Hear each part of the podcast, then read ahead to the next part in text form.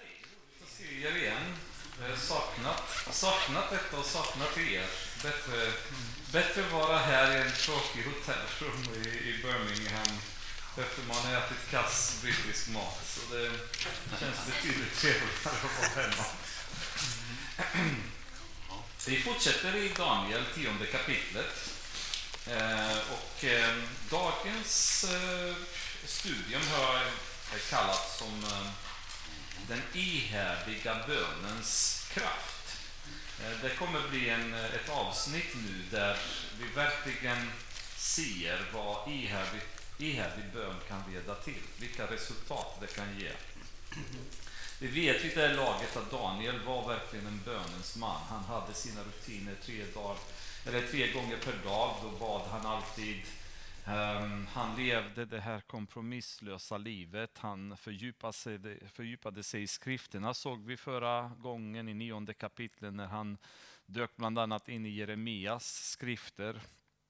Så en, en person verkligen som tog eh, den kristna läran som vi ska ha, det vill säga vi ska vara ihärdiga i bön, i apostla, apostlalärning, eh, apostlaläran och i gemenskap samt bröd, brödsbrytelsen. Nu fanns inte brödsbrytelsen men vi såg honom vara delaktig i de judiska högtiderna så att säga som de hade då.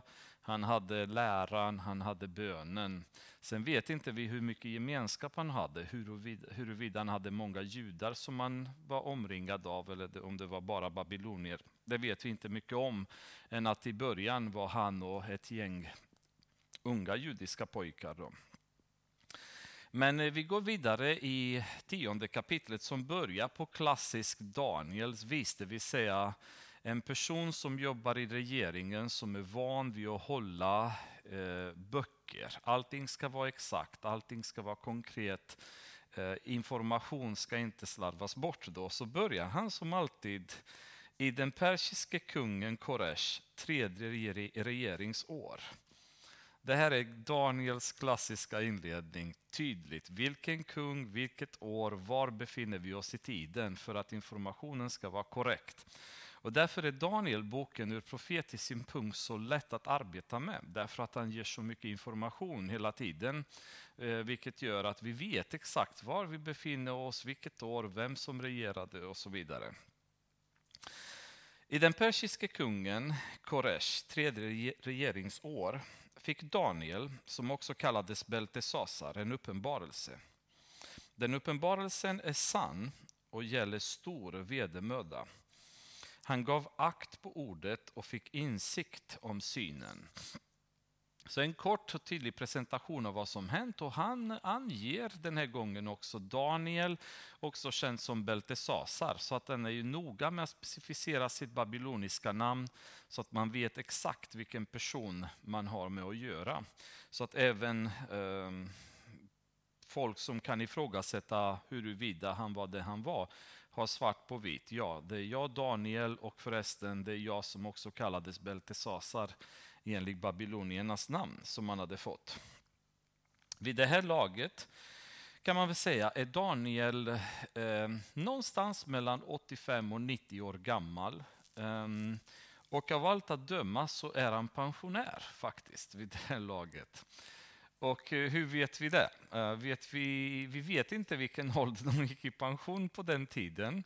Men återigen, Daniel är ju väldigt noga med information själv. Så om vi vänder tillbaks till ett område där vi redan har läst, och det är Daniel första kapitlet och sista versen. Efter att Daniel beskriver alla de händelser som han hade gått igenom så avslutar han första kapitlet med att säga och Daniel blev kvar där ända till kung Koresh första regeringsår. Därmed så kan vi förmodligen antyda att vid det laget, när kung Koresh var i tredje regeringsåret, att vid det här laget så var inte Daniel i någon slags myndighetsfunktion längre. Utan han var ju kvar i det här, den här gången med det persiska riket. Vi vet inte om han var i Babylon just nu. Um, någonstans eh, i, i riket befann han sig fortfarande. Men eh, troligen inte vid någon funktion längre, utan nu var han bara en, en äldre man som levde kvar kan man säga i Medopersiska riket. um, vi fortsätter att läsa vidare. Jag, Daniel, hade då gått och sörjt i tre veckors tid. Jag åt ingen god mat. Kött och vin kom inte in i min mun och jag smorde inte heller min kropp med olja förrän de tre veckorna hade gått. Han befann sig just nu i en sorgtid. Då. Eh, vi kanske kan läsa lite kort fjärdeversen så att vi får lite sammanhang. Då börjar han fjärdeversen på att säga på den 24 dagen i första månaden var jag vid stranden. Um, och där ger oss ett sammanhang ungefär kring vilken period han befann sig i. Man kan säga i första månaden, uh, vid fjortonde dagen i första månaden så började den judiska påsken. Och därefter så följdes påsken av sju dagar då judarna åt ogäst, eller bröd som inte innehöll jäst. Då. Och det var traditionen att man hade påsken och sen sju dagar efter påsk vill man inte äta bröd med jäst. Det var någon slags påskhögtid som man firade genom vissa, eh, vissa matregler kan man säga som de hade. Och Det intressanta är att Daniel han sörjer under en period då eh, det fanns en hel del glädje och det fanns en hel del festligheter i bland judarna då, då de firade utgången ur Egypten. När ängeln räddade dem eh, genom att de hade smort dörrarna, dörrkarmarna med blod. Ehm, och I den här perioden så bestämmer sig Daniel att gå in i en sorgtid. Och ehm, vi vet ju att han har haft sådana perioder tidigare då han gick in i bön och han började söka Gud. Och Det var oftast kopplat till hans börda, hans intresse eller hans nöd för folket. Ehm, att försöka liksom att se när är det dags för mitt folk att lämna Babylon. Han läste Jeremia, de 70 åren verkar närma sig. Då går han in i bön då för att vara med. Och nu går han i en sorgtid eh, igen då han går i en slags fasta då kan man väl säga, där han inte avstår helt och hållet från mat och dryck, men han bestämmer sig att avstå från utsökta rätter, han avstår från kött, han avstår från vin och han avstår, om man ska ta det på ehm, kan man säga, moderna traditioner i Sverige. Han tar inte på sig deodorant, parfymer, ingenting, det vill säga inga kroppsoljor, ingenting som han ägnar tid åt sig själv för att försköna sig själv som person, utan han, han negligerar sig själv och eh, går in i en fasta. Eh, under tre veckors tid. Och frågan är varför eh, sörjde Daniel? Och svaret är vi vet egentligen inte. Eh, man tror att det kan finnas två anledningar ehm, att han sörjde, men ni får ta det här med frågetecken eftersom han går inte in i detalj, men sammanhanget kring nionde kapitlet, det som hände senare i tionde kapitlet, tyder på att han går in i en, sorg, högt, eller en sorg, sorgtid också på grund av att han hade någonting som tyngde hans hjärta kring det judiska folkets situation. Um, men återigen, det får man eh, vara väldigt försiktig och inte gå och säga exakt eftersom Bibeln säger inte något konkret. Men man tror att den anledningen till sorgen, det var att i kung Koresh första regeringsår så gick kungen, vi kan läsa detta om i Esra, eh, första kapitlet och så vidare. Eh, kung Koresh gav en dekret, ett dekret där han eh, lämnade öppna dörrar nu för judarna att återvända till Israel, framförallt Jerusalem, Judeen och återbörja byggnadet av templet.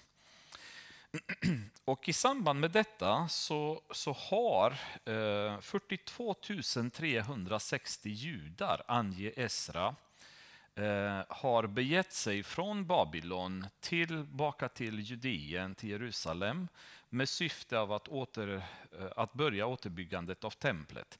Ihop med de 42 360 så följde också med 7337 tjänare och tjänarinnor. Exakta siffror som anges i Esra, så det är inga gissningar här, utan vi vet till punkt och prick exakt hur många som åkte. Esra anger till och med ur vilka familjer, hur många ur varje familj. Och jag är helt fascinerad över deras systematiska sätt att hålla räkningar hela tiden, vilket också gör Ehm, jobbet för de som ständigt ifrågasätter Gud och den andliga bakom Bibeln besvärligt därför att de kan inte trixa eftersom det finns så mycket konkret angivet i Bibeln som går att kontrollera, som går att verifiera. Då. Och då vet vi att det är det här antalet som hade eh, återvänt till Judeen. Men det där var ett relativt litet antal i förhållande till antalet judar som eh, ansågs bo i Babylon vid den här tiden. Det vill säga väldigt många valde att inte åter, återgå till eh, Judeen eller återvända till Judeen. Och Det är ganska intressant för att ni kommer ihåg vilken tragisk, vilket tragiskt slut det var år 605 och sen 597 och 586 när mer eller mindre hela Israel eh, ödelades och Jerusalem nästan mer eller mindre jämnades ut med marken. Templet förstördes, judarna förflyttades, förflyttades till Babylon. Det var en, en, en tragedi som hela judiska historien blev skakad av. Ehm, och nu får de här människorna och deras eh, så att säga, avkomma få möjlighet att återvända till Judeen. Men intressant nog så är det ju bara dryga 42 000 som väljer att åter, ähm, äh, återgå till Judeen. Och det är väldigt, väldigt märkligt. Men det säger också väldigt mycket om, om kristnas situation och relationen mellan oss och Gud väldigt många gånger. Därför att vi, vi hamnar i väldigt många tuffa situationer i livet. Och då ojar vi oss och då skriker vi till Gud och då ber vi om hjälp och då ber vi om nåd och då försöker vi att och, och, och få hjälp då, så att säga, för att komma därifrån. Um, men sen allt eftersom synden tar över våra liv mer och mer så börjar vi tappa nöden.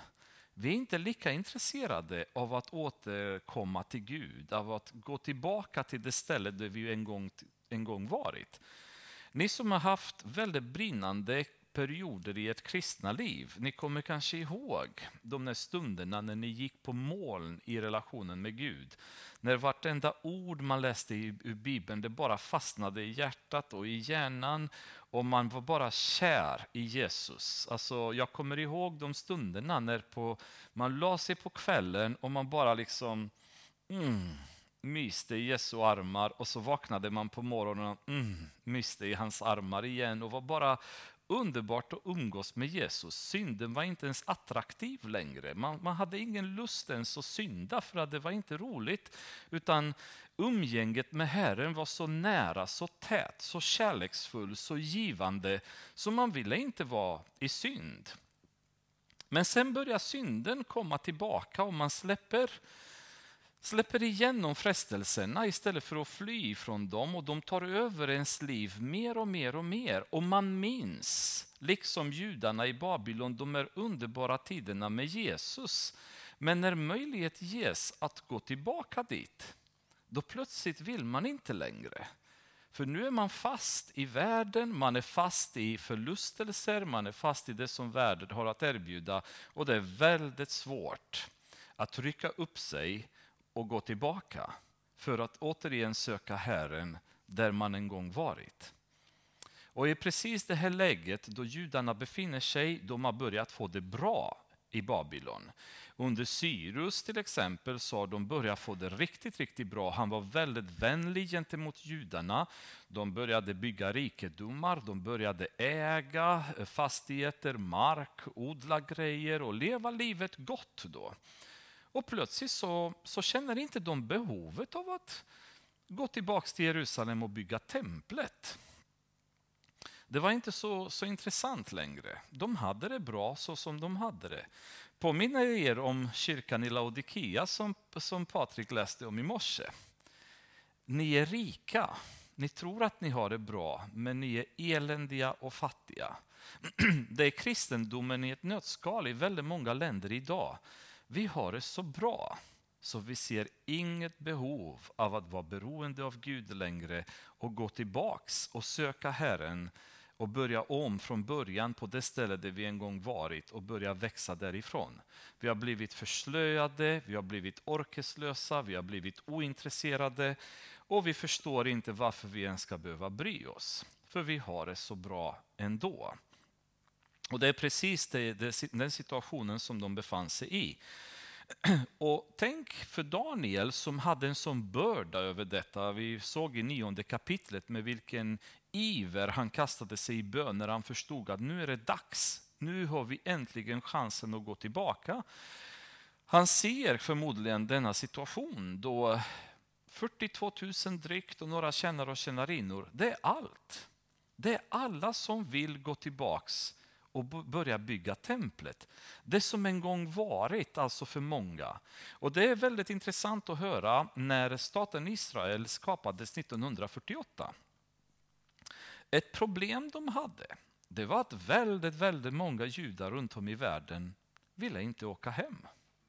Det har varit deras dröm sedan år 70 när, eh, när general Titus har förstört Jerusalem och rivit sönder templet. Så har judiska nationen drömt om att återkomma till Israel, få sitt land tillbaka, få Jerusalem som huvudstad och få ytterligare få möjlighet att bygga ett tempel. Och 1948 genom ett mirakel från Herren, för den som har läst historien, det finns ingen annan förklaring än att det var mirakulöst. Att staten så att säga återfunnits kan man säga i Israel och återuppbyggts. Och det största problemet som David Ben Gurion hade, han kunde inte få judar återvända. De ville inte hem. De bodde i USA, de ägde banker, de hade det bra, de var höguppsatta i Europa, de levde väldigt gott. Det fanns en judisk aristokrati i Tyskland, i Polen, i olika länder i Europa, Ryssland till exempel, i Iran. Det fanns en väldigt stor judisk minoritet som levde väldigt gott i Teheran och andra städer runt om. Var inte intresserade av att gå hem. Men sen kom det andra världskriget. Då sex miljoner judar dödades av Hitler, då öppnades deras ögon. Eh, då förstod de att de skulle hem. Då kommer 1948 efter andra världskriget. Då kommer en massa judar från Europa som säger att nu är staten Israel klar, nu kan vi återvända hem. De börjar återvända hem, men vilka är det som gör det? Det är de som har varit under förföljelse, det vill säga europeiska judarna. De från Iran, fortfarande inte särskilt intresserade. Sydamerikanska judarna är inte särskilt intresserade. USA-judarna är inte särskilt intresserade. Vad hände sen? 1970-talet kommer ayatollah Khomeini, tar över Iran och vad gör han? Inleder förföljelsen av judarna. Vad händer då? migrerar de i mass, eh, massmigration till Israel. Kommunismen kommer över Östeuropa. Vad händer då? Judarna migrerar till Israel. Alltså, Guds plan kommer alltid till uppfyllelse, men den kan komma i uppfyllelse med vår medverkan eller det kan komma i uppfyllelse genom att vi får lida på vägen dit. Och i, i det här läget så befinner de sig i en sorglig situation där de får frihet, de får möjlighet att återvända hem och de vill inte, utom ett fåtal. Ett annat problem som kan ha gjort att Daniel var väldigt eh, så att säga, sorgsen var det faktum att de som hade återvänt till, eh, till Judeen, de stötte på patrull. Eh, de kom dit och ville börja bygga templet. Och vi kan läsa kanske sammanhanget, så har vi det i, i tankarna. Och det är Esra, fjärde kapitlet. Esra förresten är ju väldigt bra, Esra och Nehemia, om ni vill få mer sammanhang till det som händer i Daniel och vad vi har pratat om, så är Esra och Nehemia väldigt bra böcker att läsa för att de eh, pågår lite grann parallellt med, med Danielsboken. Vi kan läsa från vers 1 i fjärde kapitlet. När motståndarna till Juda och Benjamin fick höra att de som hade kommit tillbaka från fångenskapen höll på att bygga ett tempel åt Herren Israels Gud gick de till Serubabel och till huvudmännen. Serubabel var den som kan man säga, fick ansvaret för att bygga templet när de återkom, eh, de 42 000 drygt. Gick till Serubabel och till huvudmännen för familjerna och sade till dem Låt oss bygga tillsammans med er, för vi söker er Gud liksom ni, och vi har offrat åt honom ända sedan den assyriske kunden Esarhaddon lät föra oss hit. Men Serubabel och Jesua och de övriga huvudmännen för Israels familjer sade till dem, ni får inte tillsammans med oss bygga ett hus åt vår Gud. Vi ska själva bygga huset åt Herren, Israels Gud, så som den persiske kungen Koresh har befallt oss. Men folket i landet gjorde judarna modfällda, så att de avskräcktes från att bygga vidare. De lejde män som motarbetade dem och gjorde deras planer om intet. Så länge Koresh, kungen i Persien, levde och sedan ända till dess att Darejaves, kungen i Persien, började regera. Och så läser vi vers 24 också. Så upphörde nu arbetet på Guds hus i Jerusalem. Det blev förhindrat ända till den persiske kungen Darijaves andra regeringsår. Eh, så de återvände första regeringsåret under Koresh, vilket innebär år 538 f.Kr. Och så vers 24 säger att till kung Darijaves andra regeringsår så, så upphörde arbetet. Det vill säga eh, år 520 f.Kr. Så under 18 år så kunde de som återvände dit inte bygga någonting på templet, utan arbetet upphörde. En parentes som jag skulle vilja göra medan vi ändå är här, det är det intressanta därför att de här människorna som bodde där, de sa till judarna, låt oss få vara med. Vi kan, ju, vi kan ju vara med, vi kan delta i återbyggandet av templet, vi kan ju hjälpa er. Vi kan ju vara en del av ert arbete. Men judarna visste att det här ska inte några hedningar delta i, enligt Mose lag. Det här är ett arbete som enbart judar för får hantera och inte andra nationer. Och lite grann som, som jämförelse så många gånger så, så finns det en, en viss känsla av um, och det pratar jag för mig själv och jag menar inte att det är rätt eller fel, men jag har en känsla av otillfredsställelse i det faktum att vi som är aktiva troende kristna församlingar i Sverige tar bidrag från staten. Jag har en, en ständig obekvämlighetskänsla kring den fråga att staten är med på något sätt och kontrollerar det vi gör genom att delta och investera pengar i vår verksamhet. Och Vi kan säkert resonera på olika sätt kring det och det behöver inte vara fel, men för mig på något sätt så känns det att det vi gör själva, det vi gör i vår församling, det vi gör i Guds hus, det gör vi och vi följer Guds linje och vi använder pengarna så som Gud styr oss att använda dem.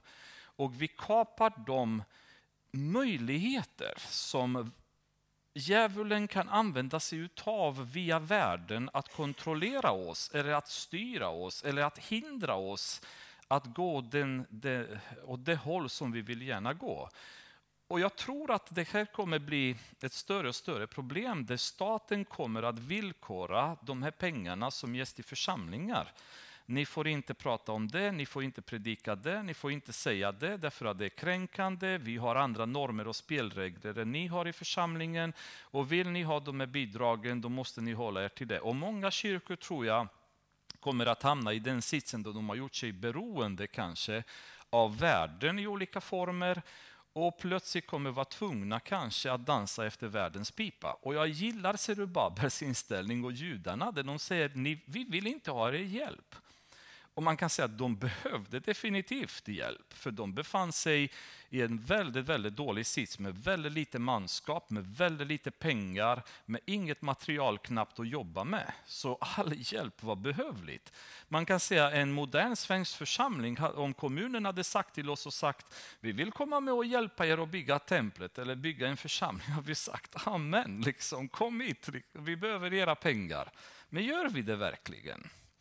Har inte vi Gud som vår Herre? Har inte vi honom som universums härskare som kan ge oss precis allt vad vi behöver när vi behöver det? Så det kan vara bra något att ha i åtanke huruvida vi som kristna ska leva i beroende av världen och dess finansiella kontroll, eller om vi ska frigöra oss från detta och vara fullt beroende av Gud. En tanke kanske att, att, att ha vidare och, och be över. Men i den här situationen så, så kan det också varit så att Daniel ser problemen, att ryktena kommer därifrån, det är tufft, vi kan inte bygga templet, det är motstånd. Och man kan också säga att det intressanta är i Esra där att det var myndighetspersoner, bland annat, som underminerade för judarna så att de inte kunde bygga templet. Och ni kan föreställa er i dagens Sverige, ja, men ni får inte byggnadstillstånd för det här. Ja, ni får inte hämta material därifrån därför att det är miljöovänligt. Ni kan inte gräva i den marken för det är vattentäckt. Ni, ni förstår, alltså små saker att använda för att försvåra, för att uh, irritera dem. Sen det hela eskalerar och det blir även våldsamt när Nehemia skriver att de i princip behöver stå på murarna med svärd i näven och med, med, med bruket i andra handen då därför att de var anfallna samtidigt. Men ett problem verkar ha varit myndigheterna, de som bodde där i landet, de nyttjade alla möjligheter för att försvåra för judarna att bygga templet. Men Daniel i alla fall går in i en sorgtid. Om det beror på detta eller något annat, det vet vi inte exakt. Men de flesta konservativa kommentatorerna är överens om att det handlade om Eh, den här sorgen om tillståndet hos judarna i det här läget då de befann sig i. Och han bestämmer sig att gå, gå all in och går och fastar. Och eh, i tre veckor så kämpar han i bön och fasta. Men på den 24 dagen i första månaden var jag vid stranden av den stora floden Hidekel. Ehm, det kan finnas två alternativ av vilken den här floden är. Antingen Tigris eller Eufrates. Men i de flesta kommentatorernas eh, åsikt är att det är Tigris eftersom det användes mest som... Hidekel betyder stora floden egentligen. Och oftast var detta ett namn som användes i samband med Tigris. Men huruvida det är Tigris eller Eufrates är mindre relevant för oss, men bara som, som kuriosa. När jag såg upp fick jag se en man stå där, klädd i linnekläder. Han hade ett bälte av guld från Ufas kring sina höfter. Hans kropp tycktes vara av krysolit. Hans ansikte var som en blixt, hans ögon som eldsfacklor och hans armar och fötter som glänsande koppar. Ljudet av hans tal var som ett väldigt dån. Ja, Daniel var den enda som såg synen. De män som var med mig, som var inte ensam där utan hade ett antal män med sig. De män som var med mig såg den inte, men stor förskräckelse föll över dem, så de flydde och gömde sig. Jag blev ensam kvar, och när jag såg den stora synen försvann all min kraft. Färgen vek från mitt ansikte så att det blev dödsblekt och jag hade ingen kraft kvar. Då hörde jag ljudet av hans tal och när jag hörde det föll jag bedövad ner med mitt ansikte mot jorden. Då rörde en hand vid mig och hjälpte mig upp på mina darrande knän och händer. Sedan sade han till mig, Daniel, du högt älskade man, Ge akt på de ord som jag vill tala till dig och res dig upp på dina fötter, ty jag nu blivit sänd till dig. När han sade detta till mig reste jag mig bävande upp. Alltså Daniel, han, eh, han har sådana upplevelser, känns det som, väldigt ofta. Eh, vi har läst de andra som han hade. Men den här gången, det, är, det tar koll på honom ganska hårt. Då. Ehm, magnituden av upplevelsen är så stor så att de här kompisarna som man hade med sig, de sticker iväg fast de inget ser. Liksom. Så den, den, den påtagliga andliga närvaron som, som kommer fram är så stark så de här människorna bara sticker iväg. De har ingen aning vad som händer, de ser inget, men de bara fattar att vi måste bara försvinna härifrån illa kvickt. Då. Men Daniel blir kvar. Men frågan är, vem, vem möter han i det här läget? Oftast så nämner han tidigare att han möter Gabriel. I andra bibelsammanhang så, så nämner man att man möter en ängel eller att ehm, eh, en ängel, äng, Herrens ängel har kommit till exempel och så vidare. Men den här, det här mötet är något utöver det vanliga om man ska säga så. För det blev nästan som en vanlig situation för Daniel att han hade de här mötena. Men den här gången är utöver det vanliga.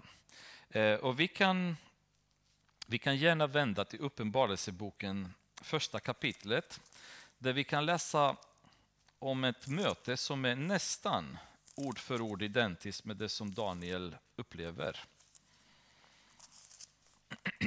Denna gång är det Johannes som upplever det. Uh, Uppenbarelseboken, första kapitlet, vers 10. På Herrens dag kom jag i anden och hörde bakom mig en stark röst, lik ljudet av en basun. Och den sade, skriv ner i en bokrulle vad du ser och skicka den till de sju församlingarna i Efesus, Smyrna, Pergamos, Teatira, Sardes, Philadelphia och Laodikea. Jag vände mig om för att se rösten som talade med mig och när jag vände mig om såg jag sju ljusstakar av guld och mitt bland ljusstakarna en som liknade Människosonen klädd i en fotsid klädnad och om, omgjordad med ett bälte av guld om bröstet. Hans huvud och hår var vit som vit ull, som snö, och hans ögon var som eldslågor. Hans fötter liknade skinande malm som glöder i smältugnen och hans röst lät som dånet av väldiga vatten. I sin högra hand höll han sju stjärnor och ur hans mun gick ett tvegat skarpt svärd och hans ansikte lyste som solen när det skiner i all sin kraft. När jag såg honom föll jag ner som död för hans fötter, exakt samma reaktion som Daniel. Och han lade sin högra hand på mig och sade, var inte förskräckt, jag är den förste och den siste och den levande. Jag var död och se, jag lever i evigheternas evigheter och har nycklarna till döden och helvetet. Skriv alltså ner vad du har sett och vad som är och vad som ska ske härefter. Detta är hemligheten med de sju stjärnorna som du har sett i min högra hand och med de sju ljusstakarna av guld. De sju stjärnorna är de sju församlingarnas änglar och de sju ljusstakarna är de sju församlingarna. Med andra ord, Johannes ser Jesus i uppstånden tillstånd exakt samma beskrivning, mer eller mindre, som Daniel har. Exakt samma reaktion, han bara trillar ner och är mer eller mindre död vid Jesu fötter. Detta är med all sannolikhet vad man kallar för en kristofani, det vill säga en, en Jesu uppenbarelse före hans födelse. Eller en teofani, man kan också säga en, en Guds uppenbarelse före Jesu födelse. Det finns ju flera situationer i Bibeln där det här verkar ha uppstått. Och det här är en som är väldigt, väldigt, väldigt nära det som Johannes eh, beskriver i Uppenbarelseboken. Eh, utav den anledningen är man ganska överens att det Daniel möter här, det är Jesus. Innan han föddes i, i prefödelsetillstånd. -föd Eh, hela beskrivningen matchar med Jesus och dessutom det faktum att Daniel likt Johannes eh, nämner det människoson. Någon som var som en människoson. Och det nämns sen senare flera gånger i kapitel 10. Och det var ju Jesu ofta favoritbeskrivning eh, av sig själv. Han sa många gånger människosonen gör detta, när människosonen ska komma och så vidare. Och Den beskrivningen har inte riktigt använts ihop med andra personer än just med Jesus. Um, men vi vet inte med all sannolikhet. Det kan mycket väl ha varit en eh, väldigt stor ängel, väldigt stark, men eftersom beskrivningen med eh, Jesus från Uppenbarelseboken stämmer så mycket överens och även med beskrivningen som Daniel har av Jesus i sjunde kapitlet bland annat är väldigt lik så är det ganska stor sannolikhet att det här är en kristofani, det vill säga Daniel möter Jesus innan Jesus ens föddes. Och det är en ganska häftig upplevelse. Man ser att eh, det är ju enormt stor kraft som Daniel får möta. Och han är ändå en människa som lever nära Gud, som följer honom, som är van vid Guds närvaro, kanske på ett sätt som väldigt få av oss någonsin har varit. Men ändå i, i Jesu närvaro så är det ju den här effekten som den har. Daniel bara kollapsar, hans kompisar bara sticker iväg. Men Jesus tar hand om honom och lyfter honom och säger Daniel, du älskade. Och det är så underbart att höra detta. När, när Jesus tar i honom, att, att bli kallad av Jesus högälskade. Alltså, tänk, tänk att få det mötet och bli, bara bli kramad av Jesus, upplyft av honom och säga du högälskade och vet att jag tillhör honom. Jag är en av hans, hans eh, så att säga, utvalda. Jag är inte geten utan jag är fåret om man ska kalla det så. Jag, jag, är Guds barn, jag är med Jesus, jag är inte emot Jesus. Han hatar inte mig, han älskar mig, han bryr sig om mig och så vidare. Det är ju den känslan som man vill uppleva i sitt liv, att bara känna att Jesus älskar mig och känna den här kärleken vibrera igenom. Um, och man tänker när man, när man säger sådana ord till varandra, alltså när man inte bara säger åh vad söt du är och vad snygg du är, utan när man kommer till någon och säger du min älskling, det är något helt annat. Men dessutom att kunna säga hög älskad. Alltså den här människan var hög älskad av Gud. Jag tycker det är jättefascinerande och jag, jag ser så fram emot att träffa Daniel när jag kommer till himlen. För för bara att träffa den här personen som har levt så nära Gud, så Gud gång på gång på gång refererar till honom som du högälskade man. Det måste ha varit en fantastisk upplevelse att, att vara med honom. Och Daniel är ju full av sorg i den här situationen. Han är ju efter tre veckor av fasta och bön och kamp. Kamp för en situation kan man säga som var väldigt tragisk. Ehm, Om man tänker att om man tänker på honom, vad, vad gjorde han? Alltså, när han ser nu återigen att det är kris, eh, Israel har problem, de bygger inte templet, de vill inte återvända hem, de är förnöjsamma, de har inte behov av Gud längre. Eh, profetierna säger att det ska hända, men väldigt få verkar bry sig och så vidare. Så han, han bestämmer sig nu igen att han går upp och börjar be. Han tar upp kampen i bön för att kunna eh, så att säga, få, få någonting gjort och börja se, kan jag påverka Gud? Kan jag påverka världens situation? Ehm, och det, fanns, eh, det finns en bok eh, som heter ehm, Att påverka världen genom bön och fasta.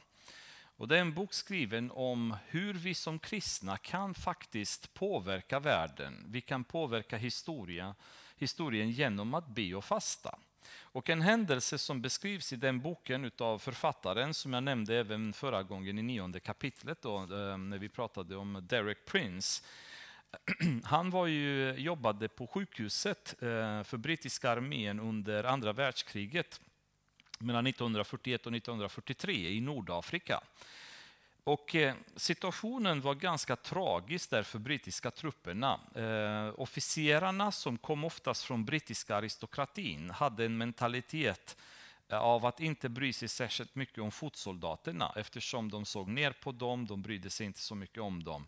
Eh, soldaterna levde i ganska så, så hårt misär där i öknen. De hade knappt vatten. De fick en vattenflaska som fick räcka under två dygn till exempel. Där de fick dricka, tvätta sig, borsta tänder, allting på en vattenflaska. Medan officerarna kunde sitta i i tälten och supa och dricka whisky och vatten utan problem och de brydde sig inte någonting om soldaterna. Och de hade en arrogant inställning eh, vilket gjorde att hela brittiska armén mer eller mindre havererade. Och tyska armén eh, svepte under general Rommel hela Nordafrika och stod nu i närheten av Kairo, vid Kairos portar. Då. Eh, och det, det, det, här tillståndet genererade största reträtten som brittiska armén någonsin har upplevt i hela deras historia. En reträtt på um, ungefär ja, vad säger de, 700, 700 brittiska miles, så vad kan det vara? Eh, 1000, 1000 kilometer där någonstans, ehm, 100 mil eh, var reträtten från Eh, Tripoli ända till El Alamein som var ett samhälle ungefär 80 kilometer utanför Kairo. Och hela armén var totalt eh, eh, slutkört kan man väl säga. De hade inga resurser. Till exempel de fick ransonera bränsle, men officerarna de åkte fram och tillbaka. Så när de åkte till någon, något sjukhus då tog de med sig en lastbil full med möbler för att möblera sitt sjukhusrum och vara lite trevligare. Samtidigt som de hade inte bränsle att köra sina stridsvagnar och så vidare.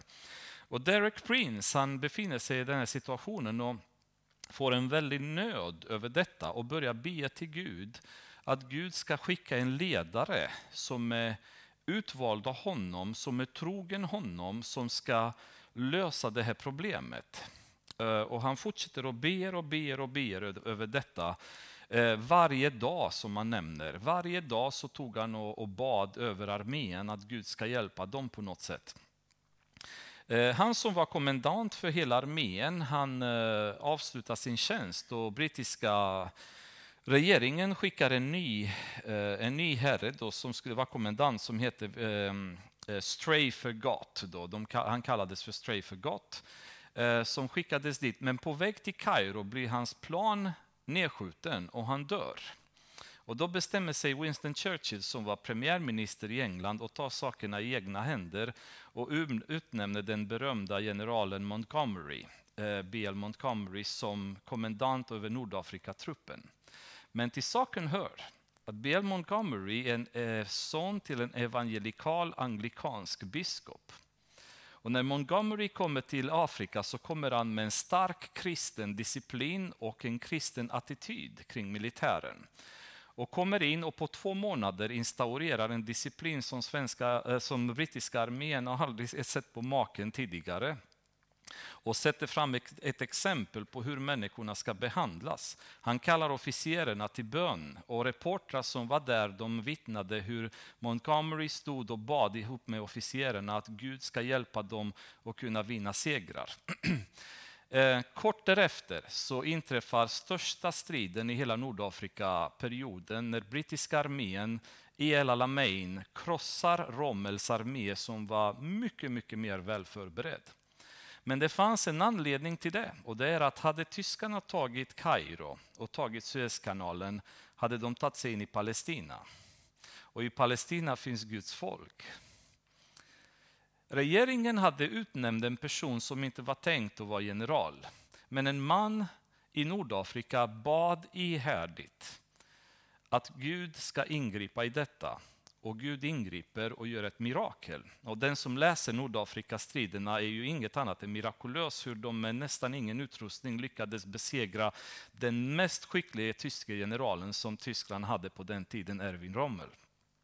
Och när jag läste detta, jag fick nästan så här äh, gåshud, för jag hade läst så mycket om Nordafrikastriderna men hade aldrig läst att i Nordafrika så satt en man som han beskrev, jag var ensam och hade ingen med mig, utan hade heliga anden och min bibel. Och han bad och han bad och han bad. Varje dag. Och det ändrade historien. Och jag tänker på de som bad för oss när vi var i kommunism. Människor som satt där i Sverige och bad för att järnridån ska falla och ni kommer ihåg 1990, på ett år, eh, 89, hela kommunismen i hela Europa föll på ett år.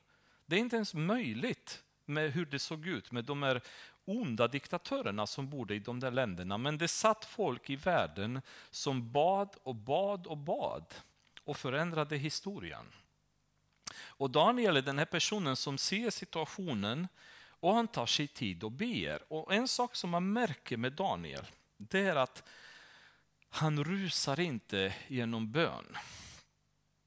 För det är det vi gör så mycket idag. Vi rusar genom våra böner. Vi ber kort, vi ber oengagerat. Eh, hans bön var inte gode Gud välsigna maten och bamsesång, utan hans bön var ju ihärdig bön. Tre veckor av bön och fasta, inte ens bry sig hur han ser ut, inte ens ta deodorant, inte ens tvätta sig, bryr sig inte om någonting. Det är sorg inför Gud, det är kris, världen måste förändras nu. Och han ger sig in i bön. Och han, han backar inte, han tar sig tid i bön. Och det är det som vi är så dåliga på idag, vi tar inte tid för bön. Bönen är kort, det är slarvigt, det är oengagerat och jag pratar om mig själv. Jag vet inte hur ni ber, men det, när jag pratar så pratar jag om mig själv. Det är exakt så det ser ut och därför ger det ingen effekt heller. Det finns inget engagemang, det finns inget lidande, det finns ingen um, passion, ingen smärta, så att man kämpar och kämpar och kämpar och kämpar i bön tills, som Charles Spurgeon sa, om järnet är varmt, hamra det. Om järnet är kallt, hamra det tills det blir varmt och så fortsätter du att hamra. Det är den typen av bön som Daniel hade. Han hamrar och hamrar och hamrar och hamrar på tills svaret kommer. Och i de tidigare bönen då såg vi att svaret kom väldigt snabbt. Men den här gången så gjorde det inte det. Det här är den typen av bön som vi inte gillar. Förut var det enkelt, han bara sa några ord, puff, så kom svaret. Det är så jag vill ha det. Men så funkar det inte alltid. Och nu är det precis motsatsen. Nu sitter han och i tre veckor så kämpar han och kämpar och kämpar i bön. Och ger inte upp. Men efter tre veckor så har han sitt livs häftigaste möte då han möter Jesus. Och vilken upplevelse det är. Vilken fantastisk upplevelse. när Jesu närvaro dyker upp, alltså när Jesus visar upp sig, vad blir reaktionen hos Daniel? Han faller ner. Alltså respekten och rädslan inför Gud är så stark. Så han bara totalt faller ner i ödmjukhet och han bara ser sig själv som urslig och ned... Han är inte värd någonting, han bara ligger vid marken tills Jesus hjälp, hjälper upp honom. I sista versen där som vi läste, att när han sade detta till mig reste jag mig bävande upp. Alltså, han beskriver att hans knä skakade. Jag tror inte det är för att han var 85 eller 90, utan det var ju, det var ju känslan av att stå inför, inför Jesus där, som vi, att han helt, är helt skakig. Och Jesus säger till oss att när två eller tre är samlade i hans namn, då finns han där. Och då är det frågan, tror ni att Jesus finns här?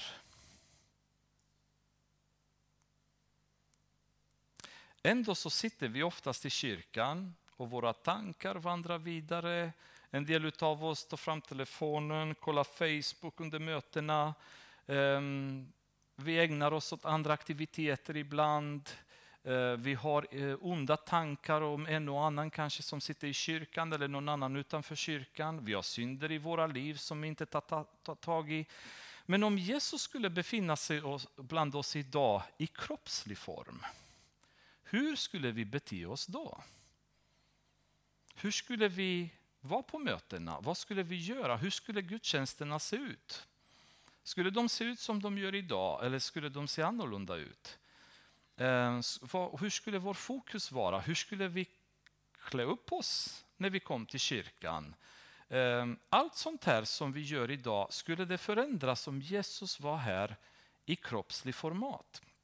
Eh, jag skulle vilja läsa vad en, en man sa en gång. Han sa att så här att Eh, när man betraktar kyrkan utifrån så ser det ut som en grupp människor som ber, sjunger och och har en rad aktiviteter för någon som inte är där, eller någon som är frånvarande.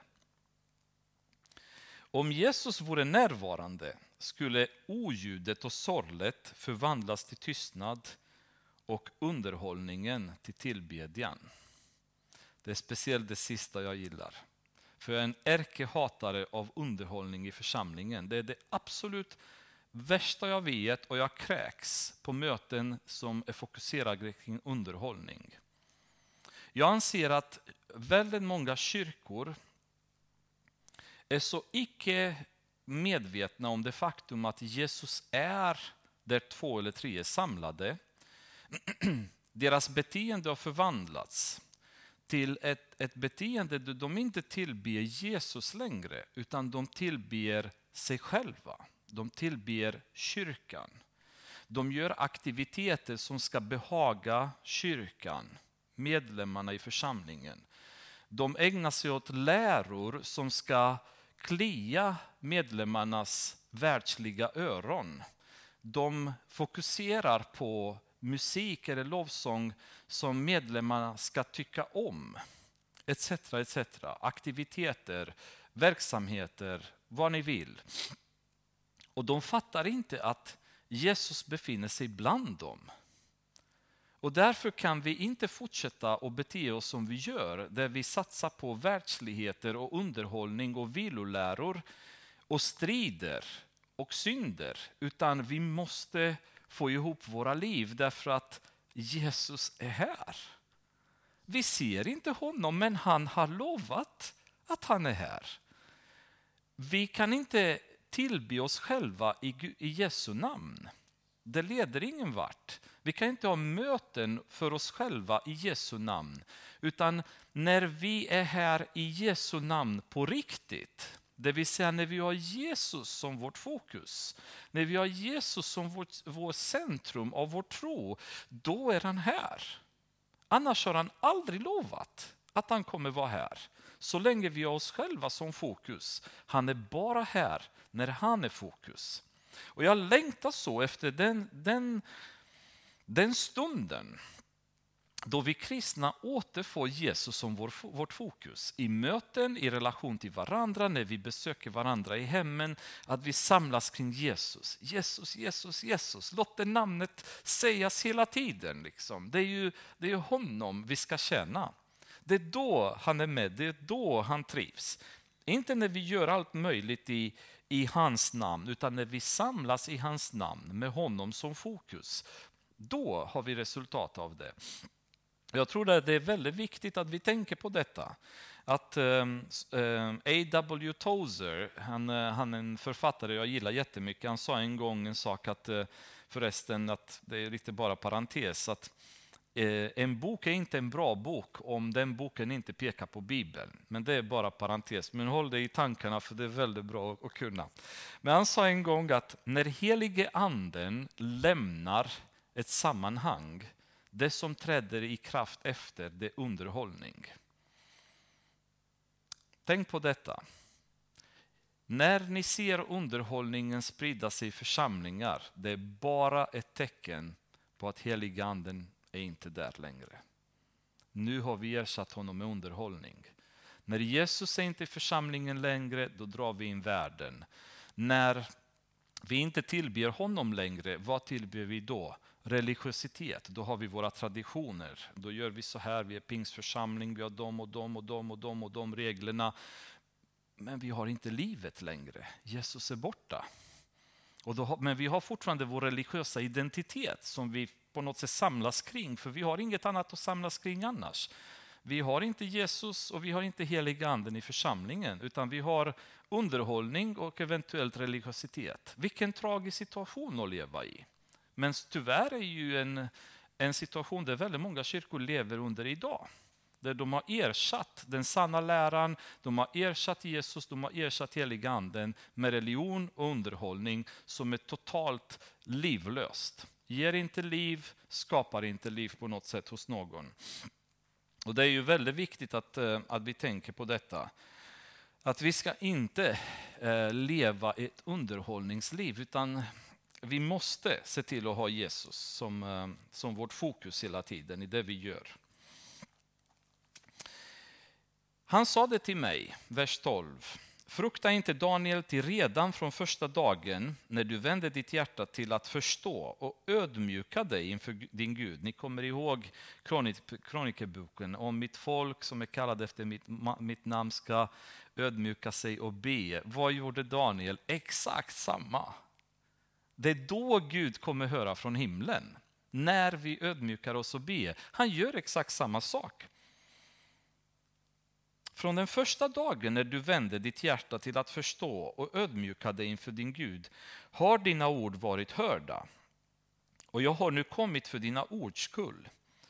Försten över Persiens rike stod emot mig under 21 dagar. Då kom Mikael, en av de förnämsta furstarna, till min hjälp och jag blev kvar där hos Persiens kungar. Men nu har jag kommit för att undervisa dig om vad som ska hända ditt folk i kommande dagar, för synen syftar på framtiden. Nu kommer vi till syften för min titel. Det tog lite tid att komma dit. Varför måste vi be ihärdigt? Här har ni svaret. Från den första dagen Daniel började be så har svaret redan skickats till honom. Och det är lite häftigt egentligen, för tänk om, om jag nu skulle skriva ett brev till kung Carl Gustav Eh, tror ni att jag skulle få omedelbart svar? Eller jag vill be honom om hjälp till, med någonting. Eller till eh, Stefan Löfven eller någon höguppsatt person. Det finns inte en chans att de bryr sig. Men till Gud kan vi komma och vi får svar. Från första dagen Daniel ödmjukade sig och började be så skickas svaret till honom. Men nu är det en andlig värld som existerar där ute som vi inte ser, men som är ack så aktiv. På vägen så blir det problem. Därför att på vägen så möter man Persiens furste. Vilket i det här fallet betyder att det var en demon eller en demonisk armé av, av något slag. För det står ju därefter att jag blev kvar hos Persiens kungar. Det var förmodligen en hel, ett helt armé, ett helt gäng av demoner som var där med en ansvarig demon som stoppade budskapet från att komma, eller i alla fall försökte att göra motstånd. Och det tog tid och passera. Det tog tid att komma igenom utav olika anledningar som vi inte förstår.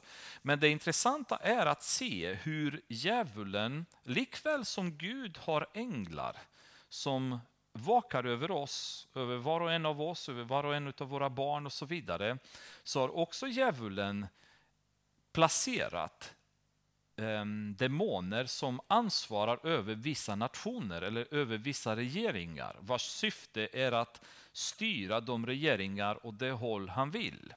Och ni kommer ihåg nu varför jag betonade lite grann att det var myndighetspersoner i, eh, i Juda, eller i trakterna kring Juda, som försvårade för judarna att bygga templet. Genom att kontrollera länder och regeringar så kan djävulen få inflytande över de länderna och förhindra Guds verk. Och det blir en, en väldigt, väldigt hård kamp för att kunna riva ner de här krafterna, för att kunna bekämpa. Och i det här fallet så blev det väldigt, eh, väldigt tufft förmodligen, därför att man har, man har kallat in tungartilleriet, som man brukar säga, och det är Mikael. Och när Mikael kallas in, då, då, är det ju liksom, då är det allvar. Samtidigt som när han kommer in så brukar sakerna lösas väldigt snabbt oftast. Men, men man har kallat in honom för det här var ju en andlig kamp på vägen. Och under den här kampen, vad gjorde Daniel? Han bad, han bad, han bad. Han fortsatte att elda på och elda på och elda på. Och vi vet inte vad hade hänt om Daniel hade slutat be efter en vecka. Hade svaret kommit fram? Det vet vi inte. Men jag vill citera en äkta berättelse som en rumänsk eh, församlingsmedlem Eh, han var ju pastoraspirant kan man väl säga, på väg att utses som pastor utav eh, en annan eh, berömd rumänsk pastor. Då. Han var i rumänska församlingen i Aten i Grekland. Så den här andra pastorn åkte dit för att utse honom som pastor. Och medan de står där och pratar så plötsligt den andra tittar och säger oj, nu måste jag bara säga en sak till dig. Det var nämligen så att han hade en kompis som han hade bett för i över sex år, om jag minns rätt. Och han sa att den här dagen så kände han väldigt starkt att nej, nu lägger jag ner det här, för han är fortfarande inte frälst. Han, jag vet inte ens om han lever, han hade inte hört något från honom på mer än tre år om jag fattar rätt. Och eh, var så att säga inne på att eh, lägga ner det med bönen då, just den dagen. Men på något sätt så, så kände han bara, Ej, jag, jag, jag ber en sista dag idag, hade han bestämt sig då. Och så bad han på morgonen innan han gick till kyrkan eh, över den här kompisen. Och medans de var på mötet, då kommer hans kompis in. Och de möts och hans kompis ger sitt liv till Jesus under det mötet. Och han sa liksom därefter att han fick en sån stark känsla av att det var sån andligt tryck förmodligen. Det var sista halmstrået som djävulen försökte att greppa till och få honom att sluta be, sluta be nu, idag. För att han visste att den här mannen är så nära nu att bli frälst. Och sista bönen idag kan göra att han blir frälst. Det är det avgörande, den avgörande bönen. Och när jag lyssnade på det så tänkte jag bara att det här är så häftigt, för det är precis som man tänker om Daniel, att vad är det som hade hänt om han hade slutat? Han satt och, och gav sig inte och fortsatte och bad. Och därför tror jag det är så oftast i Nya Testamentet Jesus säger att be alltid. Forts alltså att helt, vakta och be. Paulus, alla betonar be, be, be, be, be. Därför att med bön så löser man problem i den andliga världen, låsningar som kommer dit, strider.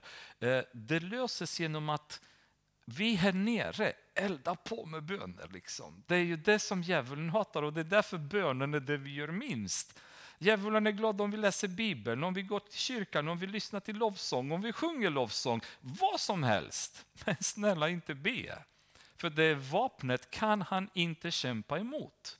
Och därför tycker jag att det är väldigt viktigt att vi som kristna hela tiden tar fighten in i vårt territorium och inte i djävulens territorium. Om vi har någonting att kämpa mot, då måste vi kämpa med våra vapen som vi bemästrar. Är vi missnöjda med regeringen? Är vi missnöjda med kommunen? Ser vi att yoga sprider sig in i stöpen eller i samhället, i skolor, i dagis och så vidare? Ser vi att aborterna ökar? Ser vi att våldet eskalerar i storstäderna och överallt i Sverige? Ser vi att alkoholismen ökar och knarkhandel ökar? Ser vi att homosexualiteten ökar? Ser vi att hatet gentemot kristna och Israel ökar i Sverige? Det är ingen idé vi går till gatumarscher i Stockholm och i Göteborg och på olika ställen. Det här är djävulens territorium. Det vi ska göra däremot, börja be. För det vapnet har han inget motstånd emot. Om vi spenderar mer tid i bön än vi spenderar i att uttrycka vårt missnöje eller demonstrera på gator eller vad som helst så skulle vi åtgärda så ruskigt mycket mer än vi gör idag. Därför att vi bekämpar väldigt många gånger djävulen med hans egna vapen. Vi kanske skriver insändare i tidningen och så kommer ett helt hav av meningslösa insändare som vi ska sen motarbeta och det blir bråk och diskussion och så vidare. Låt bli. Ta det i bönekammaren. Då ska ni få se resultat. Då ska ni få se kommunalråd som blir förändrade. Då ska ni få se regeringstjänstemän som blir kristna. Då ska ni få se hur aborterna minskar och knarkhandeln försvinner från våra områden. Det var en församling i Rumänien som hade det fanns församlingen, det fanns någon skola och sen mittemot så öppnade en nattklubb. Och alla vet vad nattklubb betyder då. Och de medlemmarna var jättearga och de höll på och så vidare. Till slut så sa pastorn, nej men vänta lite, ni, vi håller på helt fel. Vi måste börja be för våra kommunalråd. Så de började be för kommunalråden. Inget mer tjafs, inget mer bråk, ingenting, utan bara bönemöten för kommunen. Vad tror ni hände sen? Kommunalråden gav inget tillstånd till nightclubben då. Det fick liksom försvinna därifrån. Ingen hade gjort något mer, något mer väsen, utan de hade börjat be. Vi måste be Gud och förändra hjärtan hos våra kommunalråd. Och så blev det så. Så jag tror också att det är den kraften och det är den styrkan vi har i bön och det är ju på djävulens territorium vi ska undvika att vistas. Vi ska vara på vårt territorium och vårt territorium är bön. Det kan han inte göra någonting mot och det är otroligt effektivt. Och I det här fallet så ser vi att i den andliga världen så finns det arméer av olika typer av andemakter. Paulus beskriver dem i Efesierbrevet 6.12. Han säger att det finns furstar, väldigheter, världshärskare i mörkret och ondskans andemakter i himlar. Olika nivåer av, av demoner med olika ansvar och olika styrkor. Då. Och därför är det ju väldigt viktigt att ha det i åtanke att vårt land, det finns demoniska andemakter som försöker att kontrollera vårt land och vi måste bryta det i bön. Men kan vi göra det? Om våra böner är gode Gud välsigna maten bara och Gud hjälp mig, Gud jag har lite ont i foten, snälla hjälp mig. När ska vi komma till att be över vår, vårt land? När ska vi hinna be för kommunalråd? När ska vi hinna be för regeringen som är i kaos mer eller mindre? När ska vi be för de som ska stifta lagar, våra domare etc. När ska vi ta med dem? Ni förstår vilket böneliv vi måste ha om vi ska kunna inkludera de här människorna i våra böner. Men kommer vi dit, det är då vi förändrar historien. Det är då vi får människor att bli frälsta. Det är då väckelserna inträffar. Det är då andemakternas kontroll bryts ner och det är då vi ser genombrott. Men när vi inte har de här bönerna, när vi, våra böner är väldigt snabba och vi orkar inte sitta för länge, då blir det att vi har svårt att bryta igenom. Väldigt svårt att bryta igenom. Så vi måste ju ha det i åtanke att vi, vi måste ta den tiden. Vi måste börja be som Daniel och börja liksom mala på. Hamra, hamra, hamra tills järnet blir varmt och sen börja hamra tills vi formar det dit vi vill. Medan han talade så till mig böjde jag mitt ansikte mot jorden och var stum.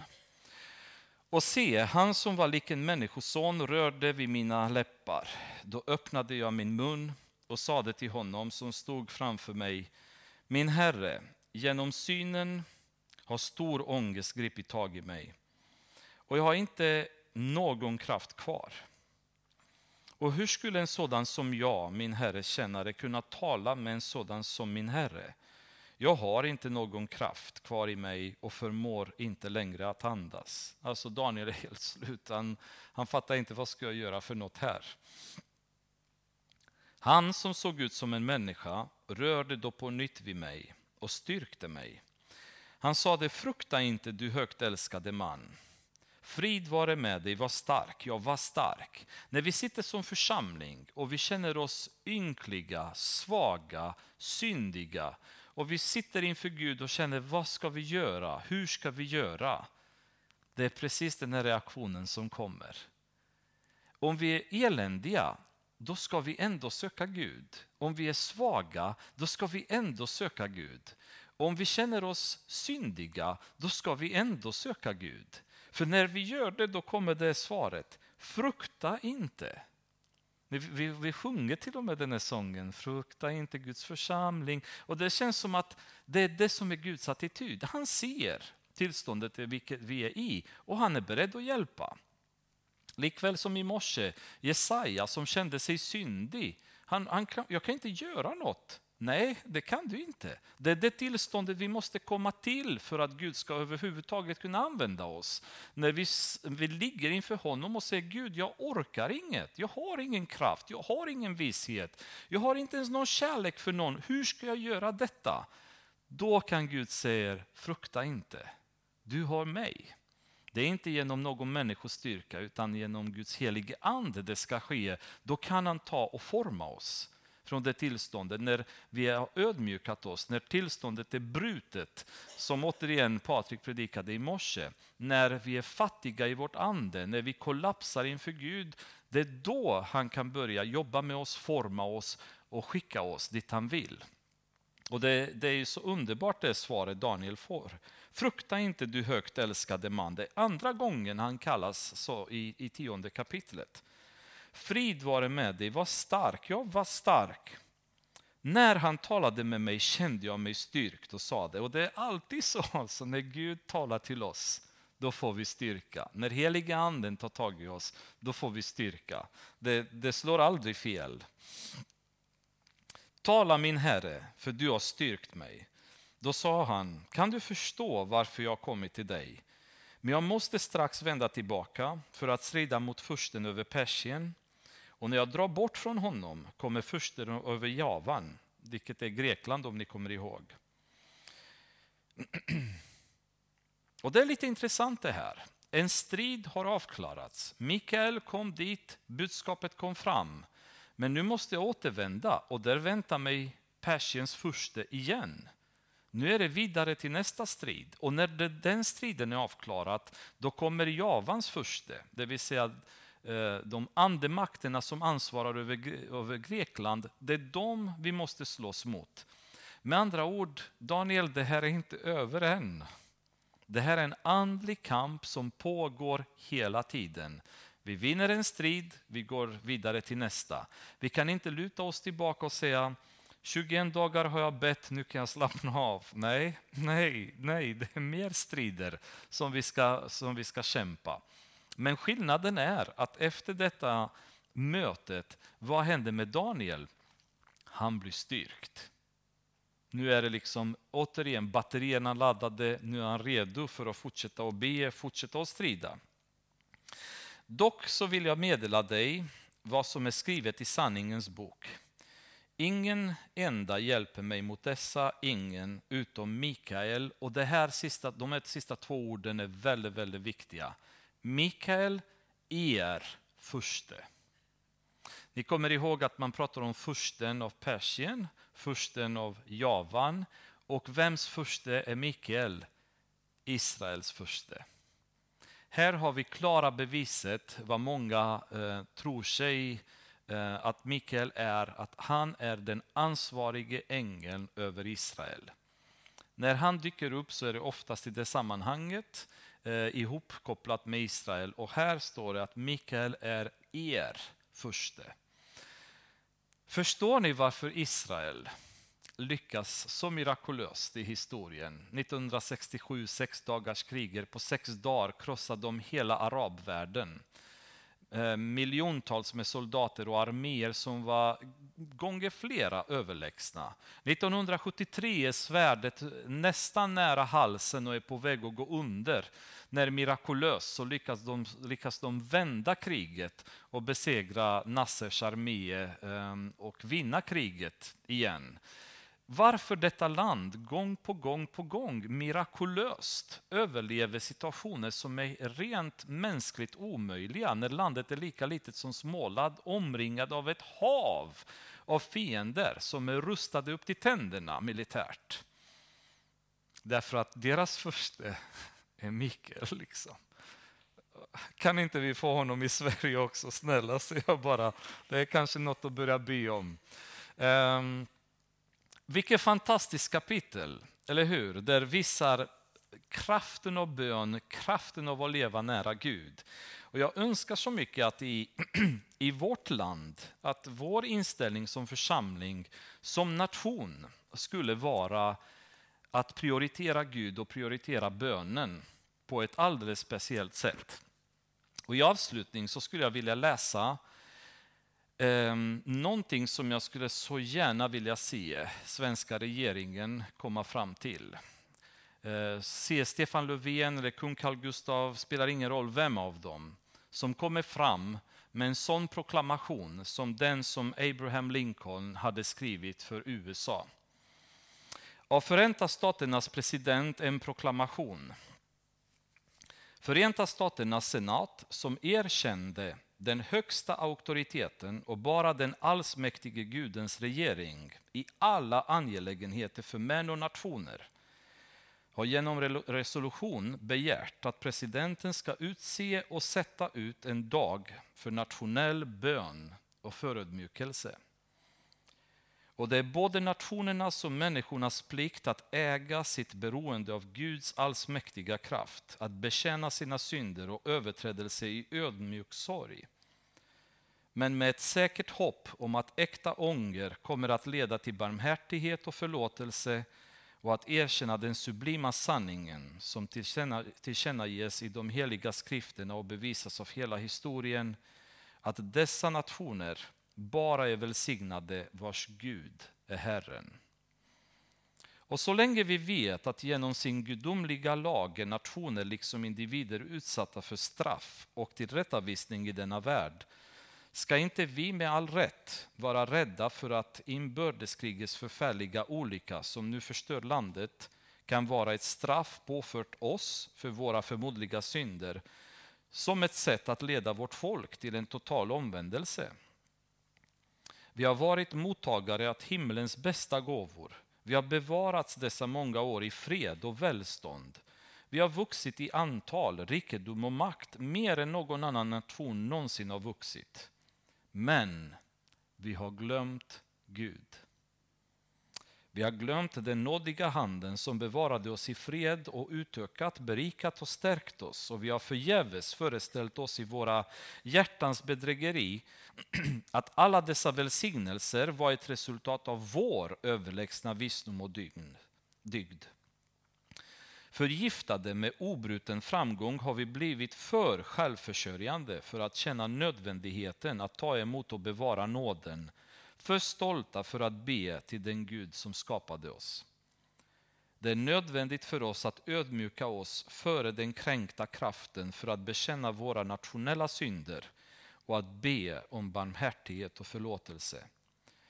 Nu i enlighet med förfrågan och fullständigt överensstämmande med senatens synpunkter utmärker jag genom denna min proklamation torsdagen den 30, april 1863 som en dag för nationell förödmjukelse, fasta och bön.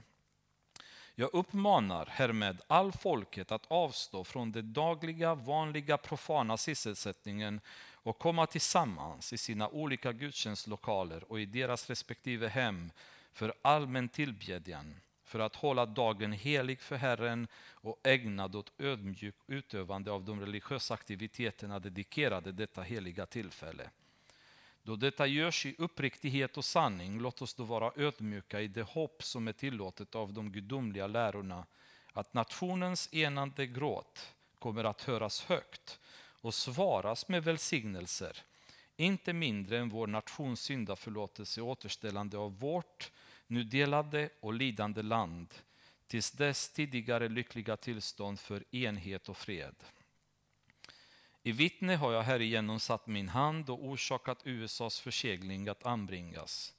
Utfärdad i Washington City denna 30 mars i vår Herre, Herres år 1863 och Förenta Staternas självständighet den 87 av president Abraham Lincoln. Vilken grej! Att en president ska på det sättet komma och säga att det enda sättet för vår nation att kunna fortsätta, det är att vi börjar ödmjuka oss och börjar be. Och det är min önskan för Sverige att eh, landet kommer till den punkten men det är kanske dags då att vi börjar be för våra ledare och börja ta dem inför Gud så att vi kommer till den punkten där våra ledare har den här attityden och ödmjukheten och inte skäms för Gud och inte försöker att tränga Gud ur samhället och skolorna och överallt. Och då vittnar detta förfall som landet kommer gå igenom på grund av att man vänder sig ifrån Gud. Vi måste ju tillbaka dit för att kunna återfå de välsignelser som det här landet en gång tid hade. Herre, vi tackar dig i Jesu namn för din godhet. Vi tackar dig för din nåd. Jag ber så mycket för var och en av oss och för hela församlingen att du ska hjälpa oss att kunna få tillbaka, Herre, den tron som vi en gång hade, den glädjen av att söka dig i bön, Herre Jesus.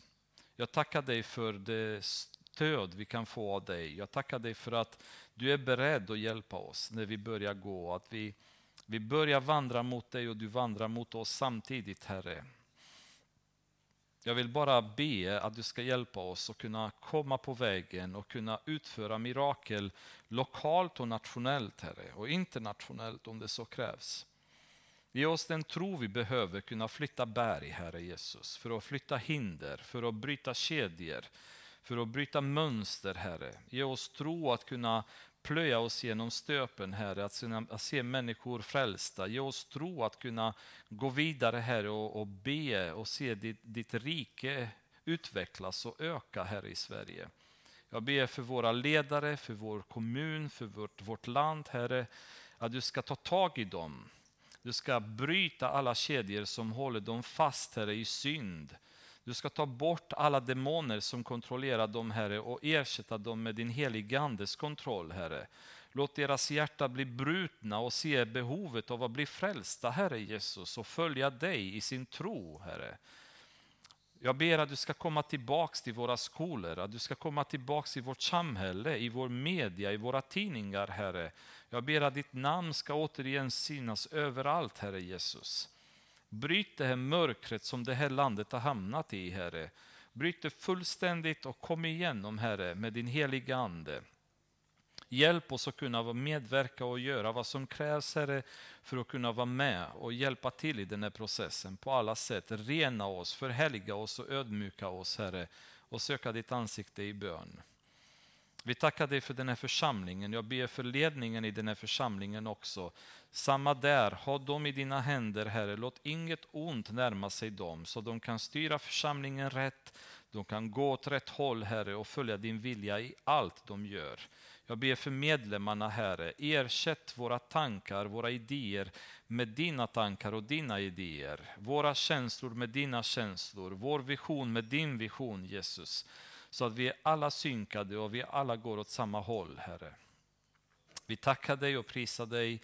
Återigen underbart att se vad du har gjort i, i, i ditt ord, vad du har gjort med Daniel och hur du har förändrat världen vid åtskilliga tillfällen, Herre Jesus. Amen.